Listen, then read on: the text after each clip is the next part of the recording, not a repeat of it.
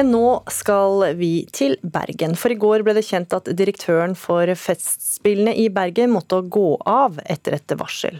Varselet handla om at han skal ha brukt stillinga si til å prøve å etablere en privat relasjon på en krenkende måte. Og kulturredaktør i Bergens Tidende, Frode Bjerkestrand, hva dreier denne saken seg om? Nei, Det er en ganske alvorlig sak, åpenbart, siden Festspilldirektøren må gå på dagen. Eh, 3.8 fikk styret i Festspill et varsel, som sagt. Eh, de tok umiddelbart kontakt med et advokatfirma for å få hjelp til, til å undersøke dette varselet. Og Det har tatt sin stund, men 17.9 så fikk eh, styret i Festspill denne rapporten, som klart og entydig sier at da Festspilldirektøren skal ha brukt sin stilling til å prøve å oppnå en slags personlig relasjon til denne varsleren. Og Så gikk det et par dager til, og i går fikk vi vite at han gikk på dagen. Og Det, det er jo et eh, mildt sjokk for kulturlivet i Bergen. Det må være lov å si. Mm. Du skriver i en kommentar at dette er et historisk dypt fall. Hvordan da? Nei, for Det er sjelden du ser sånn type direktøravganger i, i kulturlivet i Bergen, eller i Norge for øvrig. da.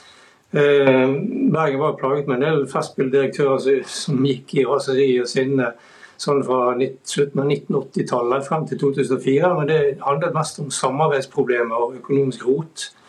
Eh, nå sier jo styreleder Toril Vidve rett ut at dette er en metoo-sak. Det sa hun etter pressekonferansen i går til journalistene. Og Det gir jo denne saken en helt annen alvorlighetsgrad og, og drama, ikke minst. Mm. Og Hvordan er reaksjonene på det som har kommet fram i Bergen? Nei, det er, jo, det er jo sterke Det er selvfølgelig sjokkerende at en festspilldirektør som senest for ett år siden fikk sitt mandat forlenget til 2026, altså med fem år, eh, må gå av på dagen på denne måten her. Så eh, til, våre, til mine kolleger så uttrykker iallfall ledere i kulturlivet sjokk og undring. Og kanskje også litt raseri. fordi at metoo-bevegelsen er jo ikke ny lenger. Den har pågått noen år. Vi vet hvor eh, vanskelig og krevende dette kan være. Ikke minst for de fornærmede. Så at eh, direktøren for kanskje den mest prestisjefulle musikkfestivalen i Norge, og en viktig internasjonal festival, må gå på denne måten, det er ydmykende og tragisk. Mm. Men Hva slags stilling hadde Festspilldirektøren før dette? her da? Altså, Hvordan ble han ansett? Altså, under uh, Anders Berger sitt uh, regime så har jo uh, Festspillene blitt en stor festival. Den har fått økonomien på plass. Eh, publikumstallene er ganske, ganske store og har økt kraftig de siste årene. Så at Beyer har levert på, på, det han fikk i oppdrag på styret, det er ikke tvil om. Så at Beyer hadde en, en, en, høy status, en høy, høy stjerne hos mange kulturarbeidere og, og, institusjoner, det tror jeg vi kan si. Og hva, hva kan konsekvensene bli nå for uh, disse festspillene? Nei, dette er, satt, det er litt tett på fremdeles. Vi skal ha is i magen. Vi skal helst ikke spekulere for mye i bakgrunn og årsaker her. Men for Festspillene så er det altså bare et halvt år igjen til Festspillene skal feire sitt 70-årsjubileum.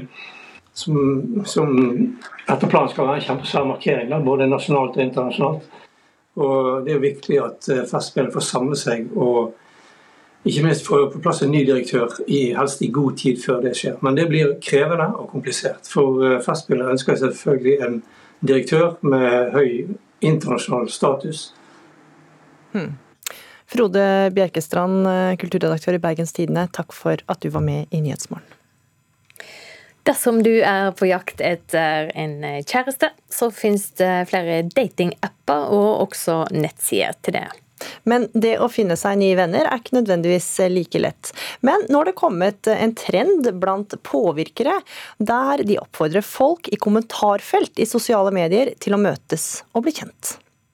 Det var litt sånn oi, hvordan blir det her? Litt spennende, eller litt smånervøs, kanskje. Slik beskriver Silje Glase Haugan fra Trondheim det første møtet med venninnen Estafania for syv år siden. De fant hverandre i kommentarfeltet til influenser Kristin Gjelsvik. Begge jentene hoppet ut av komfortsonen og dro på Gjelsviks kleslansering sammen, uten å kjenne hverandre. Jeg angrer ikke på at jeg gjorde det sjøl. Vi ble jo veldig gode venner etterpå. Dette her tror jeg kan være et veldig fint sted og en fin måte for folk eh, å få venner på.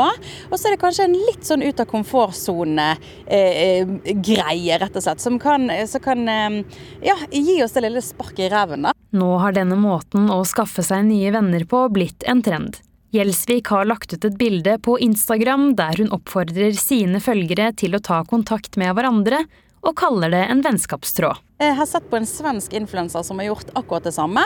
Så hyggelig og nydelig tiltak. Der du rett og slett skaper en slags arena der folk kan møte hverandre. Man kommenterer et hjerte, enten grønt for at du bor i Nord-Norge, gult for at du bor i Sør-Norge f.eks.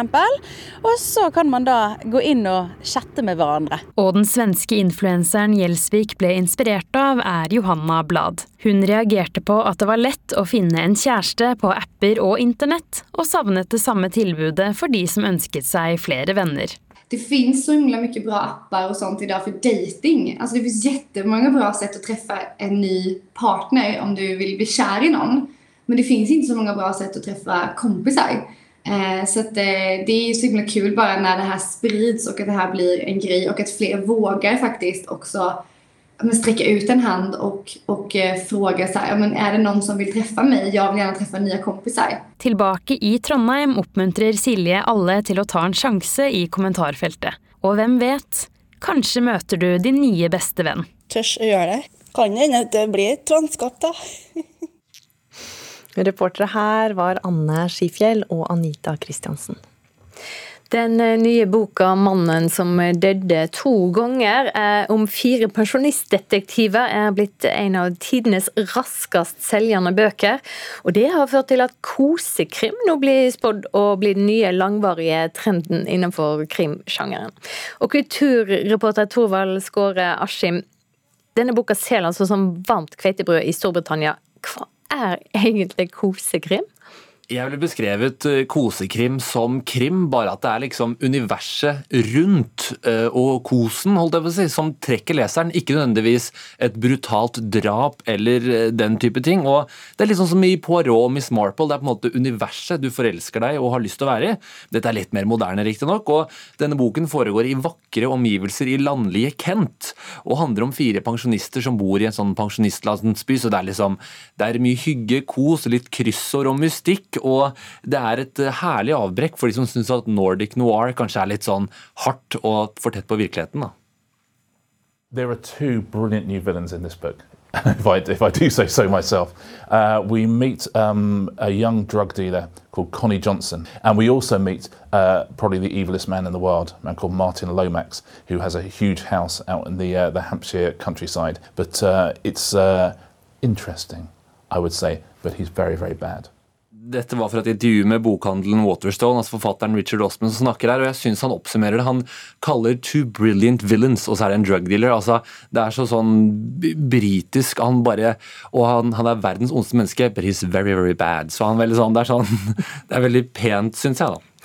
Hvordan har denne boka blitt en så stor suksess? Eh, det har nok mye fordi at forgjengeren til Tuesday I Thursday Murder Club ble en kjempesuksess, og den kom i fjor. Og også den forførte hele Storbritannia med sjarm og det som er. Og så er jo forfatteren litt kjent fra før. Vi i Norge kjenner han kanskje ikke på navnet Richard Osman, men hvis man har sett det obskure programmet Pointless på BBC, så er han altså jurymannen, på en måte dommeren i Pointless. Det er han som er forfatteren. Vil vi komme til å se flere slike kosekrimbøker? De som ser på salgstallene, sier det. Når det er mye penger å tjene et sted, så er det mange som hiver seg på, og denne tjener mye penger. Takk skal du ha, Torvald Skåre Askim. Og fra kosekrim til film, for nå skal det handle om premierefilmen 'Nattebarn', som setter søkelys på unge menneskers psykiske problemer med et eh, uvanlig utgangspunkt. For filmen har nemlig to regissører.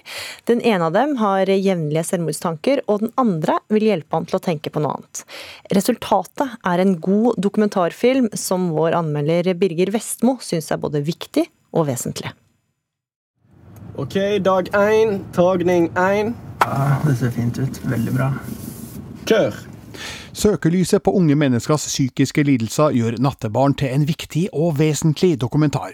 Akkurat som filmens hovedperson søker andre med mentale problemer for å bearbeide sine egne, kan det være verdifullt for flere å se at de ikke er alene om å slite.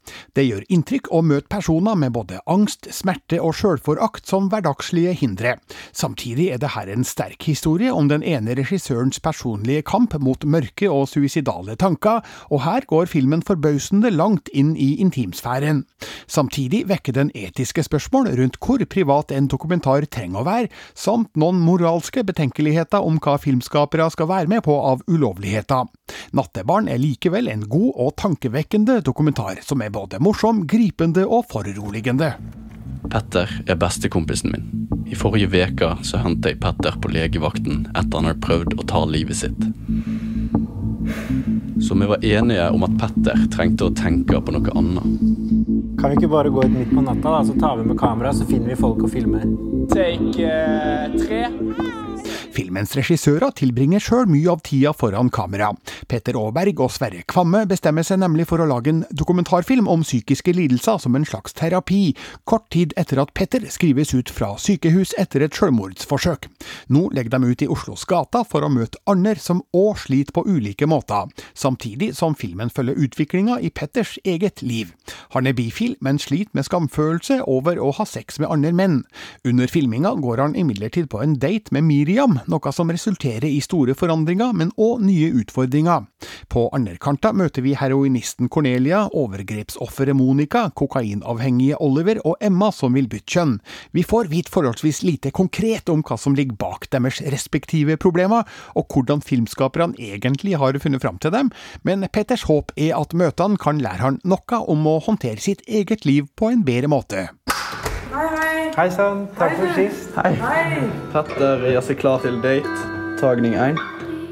Miriam Øyna kommer òg inn i bildet som et enormt friskt pust med sin åpenhet, raushet og forståelse, og fremstår som en kjærkommen oase i Petters ørken. Dokumentaren krysser en linje fra å være observerende til deltakende, når Petter og Miriam senere blir filma mens de har sex, både med og uten strap-on, noe som i hvert fall føles iscenesatt og strengt tatt overflødig for å overbevise oss om forholdets styrkegrad. Det understreker likevel hvor langt Nattebarn er villig til å gå for å belyse de enorme kontrastene for noen som sliter. For få scener seinere har Petter igjen lyst til å avslutte livet. Det her gjør filmen både opprivende og engasjerende, og etterlater publikum med et sterkt ønske om at det skal gå godt for alle involverte. Man bare har det sånn hele tiden at bare tankene går i ball, og det er bare dritt. Det er liksom poenget med å leve da. Du har det ikke sånn her hele tiden. Terningkast fire. Det var eh, film 'Nattebarn', også, En av regissørene kommer til oss i morgen. Du kan lese den anmeldelsen på nrk.no anmeldelser.